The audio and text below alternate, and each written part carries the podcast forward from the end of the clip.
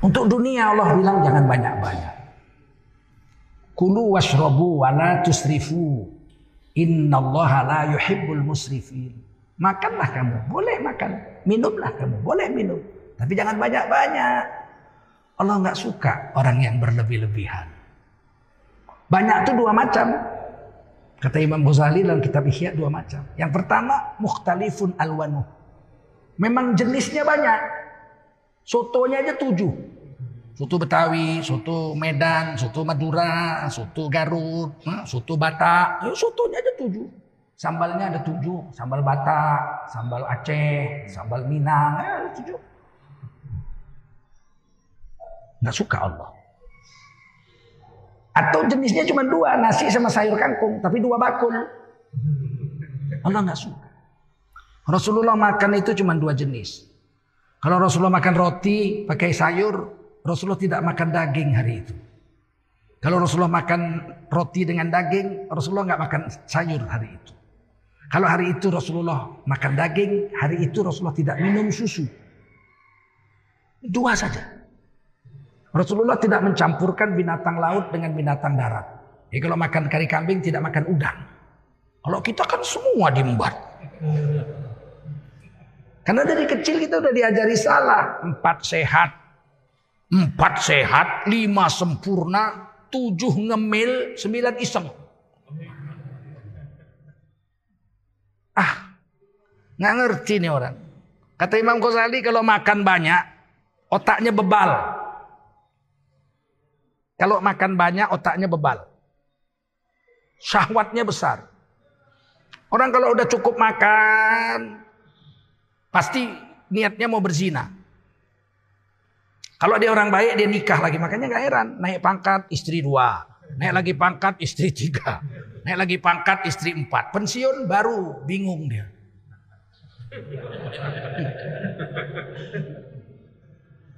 Nggak paham. Ya Rasulullah kan istrinya 12. Betul. Tapi Rasulullah tidak pernah memadu istri pertama. Rasulullah SAW tidak pernah memadu istri pertama. Rasulullah nikah umur 25. Istri Nabi yang pertama Ibunda Khadijah radhiallahu anha umur 40. Wanita kaya raya di Mekah, dua kali jadi janda. Suami pertama wafat, beliau nikah lagi dengan Hindun. Punya anak Hindun bin Hindun. Kemudian wafat suami kedua, beliau tidak niat kawin lagi. Nggak mau lagi kawin. Sudah umur 40, udah cukup. Anak juga sudah punya. Tapi Siti Khadijah ibunda kita ini jatuh cinta sama Rasulullah. Ah kalau udah jatuh cinta memang tak bisa dilawan itu. Itu kan dari Allah itu. Waktu ibunda Khadijah berdagang, barang dibawa orang, datanglah Abu Talib, paman Rasulullah. Wahai Khadijah, ponaanku ini terkenal di Mekah ini disebut Al-Amin, orang jujur, nggak pernah dusta. Saya mau dia udah dewasa umur 25 supaya dia berdagang ke Syam. Pernah saya bawa umur 12 tahun. Sekarang dia mau bawa rombongan dagang kabilah. Kasihlah barangmu biar dibawa oleh ponaan saya. Oke, percaya Siti Khadijah. Dikasihlah barang-barang dibawa. Nabi Muhammad pimpinan rombongan berangkat. Siti Khadijah kirim mata-mata. Maisaroh namanya. Laki-laki. Kalau sini Maisaroh perempuan. Maisaroh laki-laki. Kata Siti Khadijah, coba ikuti, amati ini laki-laki ini. Kalau memang jujur, bisa kita kasih barang-barang ini sama dia saja. Kita kerjasama dagang. Barang-barang saya yang jual Rasulullah, untung dibagi. Jadi sistemnya mudorobah. Waktu itu Nabi belum jadi Nabi. Umur 25, tapi perilaku Nabi berdagang itu dicatat dalam hadis dan menjadi hukum Islam. Dalam bank Islam, bank syariah. Mudorobah. Bawalah pergi. Ternyata Nabi itu aneh. Sepanjang jalan dipayungi awan. Rombongan itu nggak pernah kena panas. Kalau malam Rasulullah ikut kerja ngambil air, masak makanan, mengumpul barang. Kemudian Rasulullah menung, termenung lama gitu menghadap langit. Orang-orang udah tidur, beliau masih termenung. Berpikir, ya berpikir. Tahanus bahasa Arabnya. Pikir. Sampai di Sam lebih mengejutkan lagi cara Nabi, Nabi berdagang. Dilihat sama Maisaro, cara Nabi dagang itu. Ini barang dijual nih. Ini berapa? Kata pembeli. Ini yang punya barang suruh saya jual seribu. Kata yang yang mau beli, kalau seribu kemurahan. Kamu bawanya jauh dari Mekah. Saya beli seribu lima ratus. Beli seribu lima ratus. Kan dilihat sama Maisaro dari jauh. Oh laku seribu lima ratus. Kalau yang ini, ah, yang ini suruh jual tujuh ratus. Oh ya saya bayar tujuh ratus. Ah, yang ini, yang ini suruh jual 800. Oh, kemurahan, saya bayar 1000. Dilihat oleh Maisaro. Sampai di Mekah, Nabi lapor, barang habis. Barang yang itu laku 1000. Kan suruh jual 800. Barang yang itu laku 1500, suruh jual 1000. Barang yang ini suruh jual 700, dibayar 700. Semua dilengkap, dilaporkan. Tepelongo Ibunda Khadijah. Orang sudah ganteng, jujur pula. Gak bisa tidur Ibunda Khadijah. Kalau kita kan nipu kita. Laku, laku, laku berapa? Ah, di bawah harga semua. Yang punya barang rugi, dia untung tiga kali lipat. Sebulan kemudian dia jadi toke. Toke lama bangkrut. Ah, nggak bisa tidur Ibunda Khadijah. Termenung, termenung, senyum sendiri. Namanya orang jatuh cinta. Datang kawan akrab Siti Khadijah, Nufaisah namanya. Orang baca Nufaisah atau Nafisah. Nafisah bisa, Nufaisah bisa. Kata Nufaisah, kenapa kamu termenung-termenung? Kamu lagi jatuh cinta ya? Dia bilang, iya. Sama siapa? Itu, anak muda itu. Oh, Muhammad bin Abdullah. Ah, ah. Udah beres, biar aku yang ngurus. Ah, mana mau dia, aku kan udah tua, dua kali jadi janda lagi. Itu urusan saya. Oh, jadi dari dulu udah ada mak comblang. Kemudian dia jumpai Nabi. Ya Muhammad Al-Amin, kamu kan sudah umur 25 sekarang. Iya, udah pantas kawin. Bapakmu dulu umur 25 udah nikah. Kamu kapan nikah?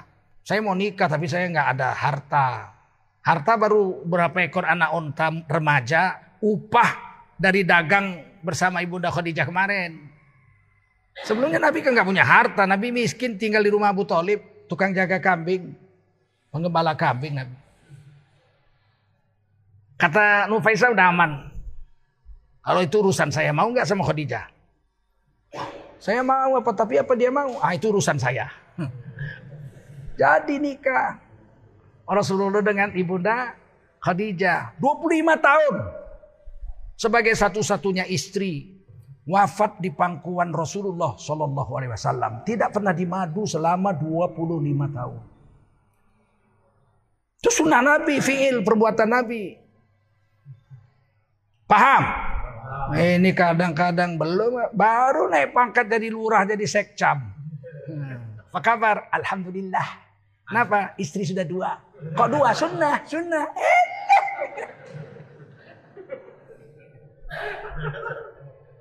Bawa-bawa sunnah.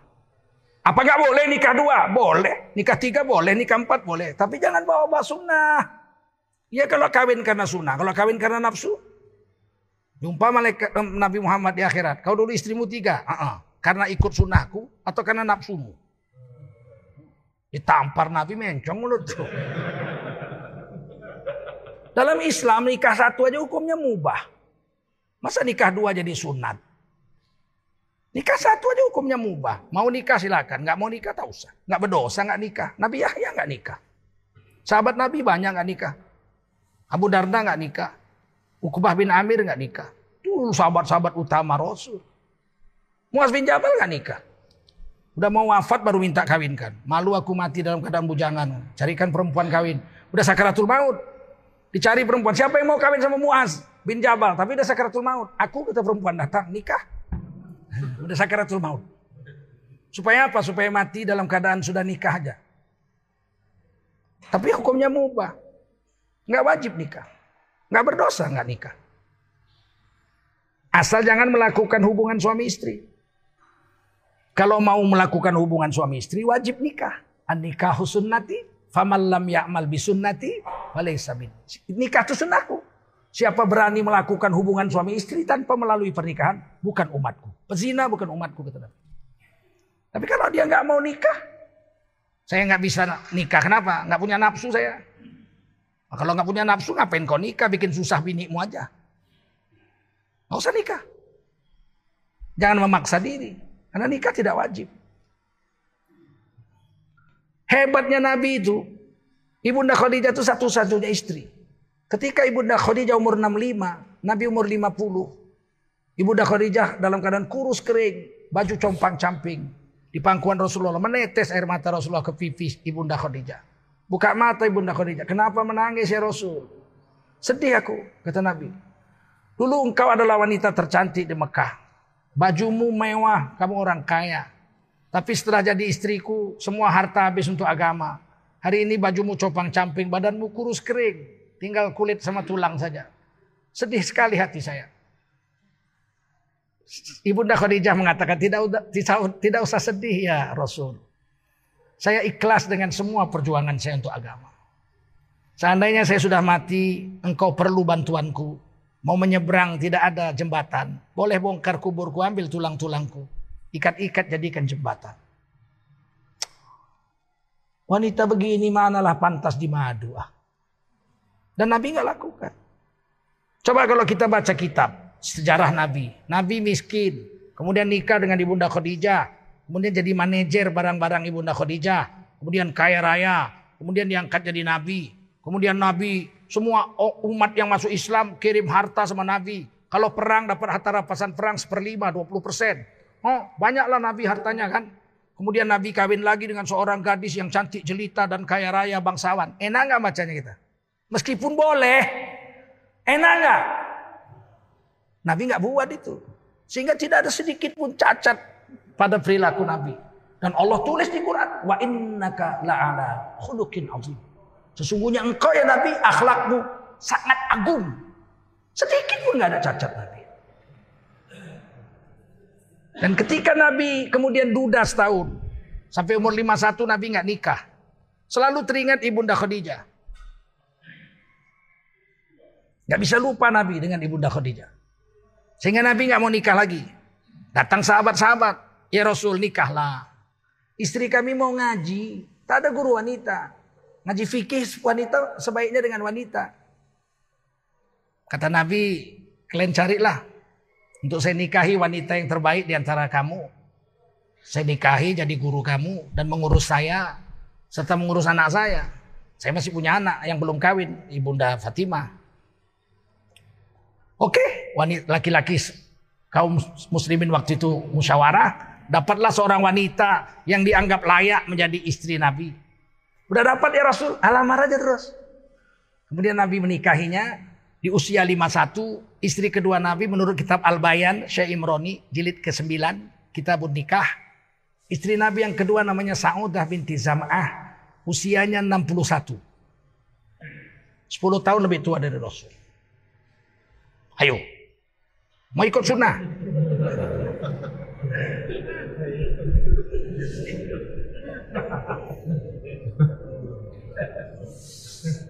Kemudian Rasulullah diperintah oleh Allah melalui malaikat Jibril untuk menikah di tahun yang sama tapi di akhir tahun. Di awal tahun kawin dengan Ibunda Sauda, di akhir tahun disuruh nikah lagi dengan seorang wanita. Langsung Allah memerintahkannya. Allah kirim malaikat Jibril dalam satu riwayat. Malaikat Jibril bawa daun dari sorga. Jumpa Nabi Muhammad, ya Rasulullah, Allah memerintahkan menikahi wanita ini. Dilihat sama Nabi. Ada foto wanita di situ. Nabi nggak kenal siapa perempuan ini. Disuruh kawin sama perempuan ini siapa perempuan ini. Maka Nabi datang ke rumah Umi Hani. Kakaknya Sayyidina Ali. Islam. Serumah sama Nabi sejak Nabi umur 8 tahun ikut Abu Talib. Anaknya Abu Talib. Umi Hani kata Nabi. Aku diperintah Allah menikahi wanita ini. Tunjukkan daun itu. Dilihat, oh ini anak Sayyidina Abu Bakar. Tapi belum dewasa masih umur 9 tahun. Sudah balik. Ah terima kasih gitulah kalau bahasa kita diambillah daun itu. Pergilah Nabi jumpa Sidina Abu Bakar. Jumpa di tengah jalan sama Sidina Abu Bakar. Dipanggil Nabi duduk. Wahai Abu Bakar ada hal yang penting yang ingin kubicarakan. Baik ya Rasulullah. Apa itu? Nih tunjukkan pas foto di atas daun. Langsung tahu Sayyidina Abu Bakar ini mukjizat. Sampai sekarang belum ada manusia bisa bikin pas foto di atas daun. Ada. Di atas kertas bisa, di atas besi bisa, di atas plastik bisa, di atas kaca bisa, di atas daun. Belum pecah rekor. Kata Nabi, ini saya diperintahkan mengawini wanita ini. Sekarang ya Rasul, langsung dinikahkan Nabi. Dinikahkan oleh Sayyidina Abu Bakar di tempat itu langsung. Dan tidak perlu memberitahu anak. Karena wali mujibir, bapak dan kakek kandung, boleh menikahkan anak dan cucu kandungnya. Tanpa izin si anak gadis, kalau anak itu perawan. Kalau anak itu janda mesti ditanya izin. Perawan nggak? Siti Aisyah nggak tahu. Udah jadi istri. Siti Aisyah tetap di rumah Sayyidina Abu Bakar sampai nanti beliau pindah ke Medina udah dewasa baru diambil Nabi satu rumah. Namanya nikah gantung. Apa namanya? Nikah gantung. Ini penting untuk sunnah. Anak-anak kita kuliah berpacaran berdua-dua. Kan haram itu. Ke mana-mana baduo di atas ban. Ngeng, badua di atas ban. Kata bapaknya sini nak, kau ke mana-mana aku tengok udah sama aja sama anakku. Iya pak, saya kawan kuliah anak bapak. Ya tapi kenapa kau sama-sama aja sama dia? Kami saling mencintai pak. Bukan binimu kecinta-cinta. Panggil bapak kau, lamar anakku. Kita nikah besok. Wah belum bisa pak, kan saya masih kuliah, belum bisa ngasih makan. Aku bukan nyuruh kau ngasih makan, aku suruh kau kawin. Kasih makan biar aku kasih makan, kau dikasih makan bapakmu. Kalau kau sudah kerja baru kau ambil anakku. Itu dilakukan Rasulullah ketika menikah dengan Siti Aisyah. Jadi Nabi itu melakukan sesuatu itu untuk uswatun hasanah. Untuk contoh yang baik supaya kita tiru. Daripada anak kita pacaran bagus dikawinkan. Nikah gantung sunnah Nabi. Sampai sini paham? Nggak paham pun nggak apa-apa, pokoknya udah saya jelaskan.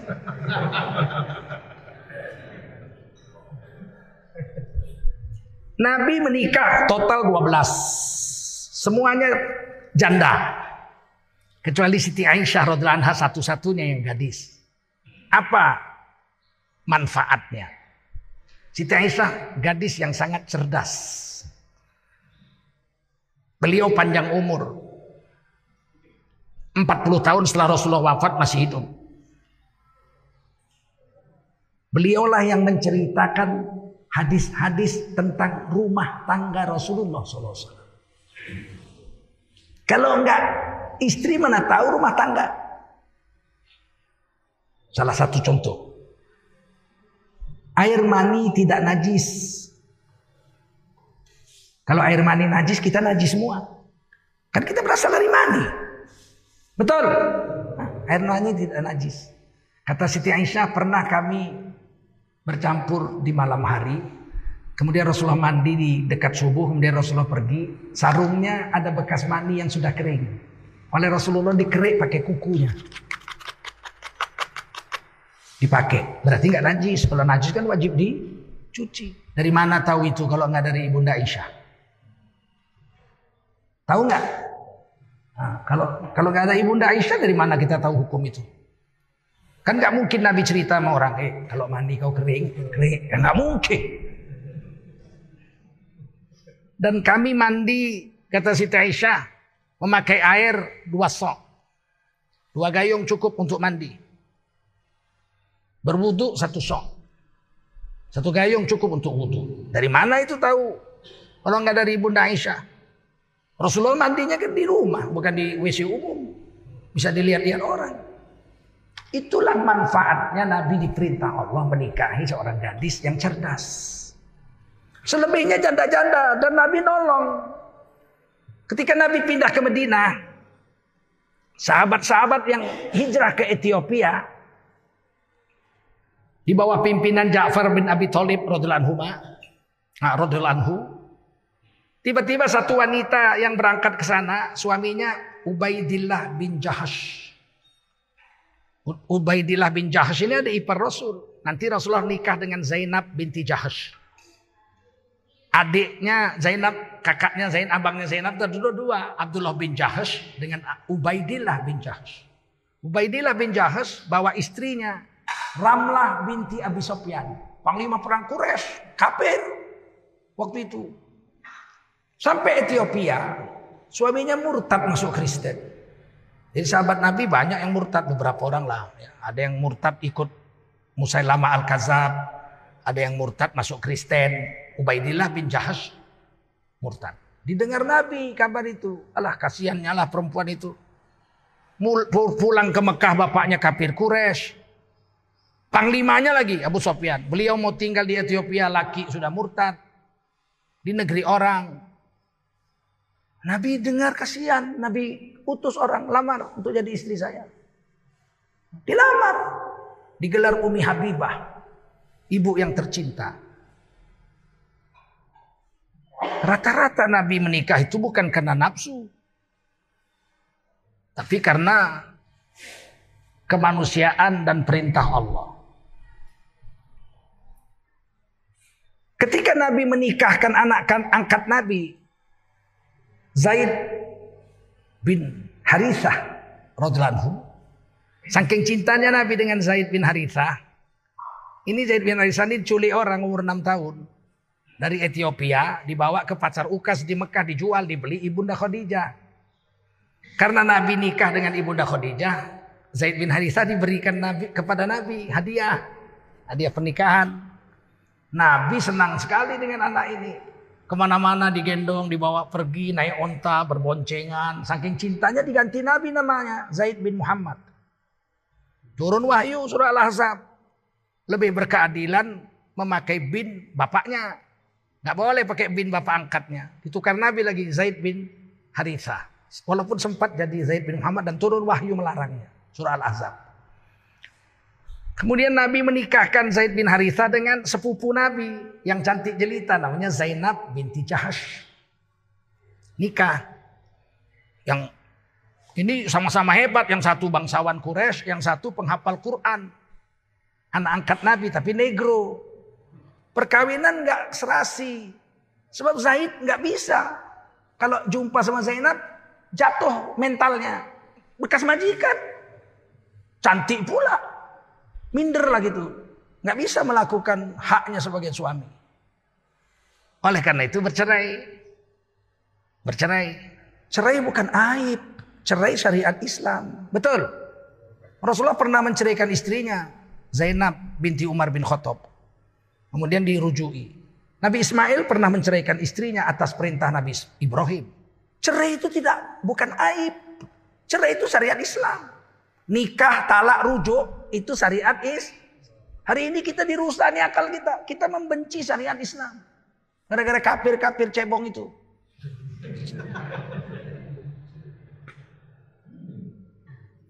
Aagim cerai, digunjingi. Ustadz kok cerai? Kalau istrinya nggak bagus, ya dibina. Dibina dong. Namanya ustadz harus membina. Lebih tahu lah beliau daripada kau. Tentang rumah tangganya. Betul. Berani bilang gitu sama Rasul. Masa Nabi Ismail menceraikan istrinya. Istrinya nggak baik ya dibina lah. Dibina. Kalau nggak ditekekkan malaikat maut kau nanti. Justru cerai itu syariat Islam. Nikah itu syariat Islam. Rujuk itu syariat Islam. Tidak ada di agama lain. Agama lain kawin ada. Cerai nggak ada. Pulang kerja dia berjinah bininya di kamar. Ya apa ini dek? Tes bang lebih hebat abang apa dia katanya. Ini siapa? Tukang ojek. Langganan. Terus suaminya bilang. Kurang ajar.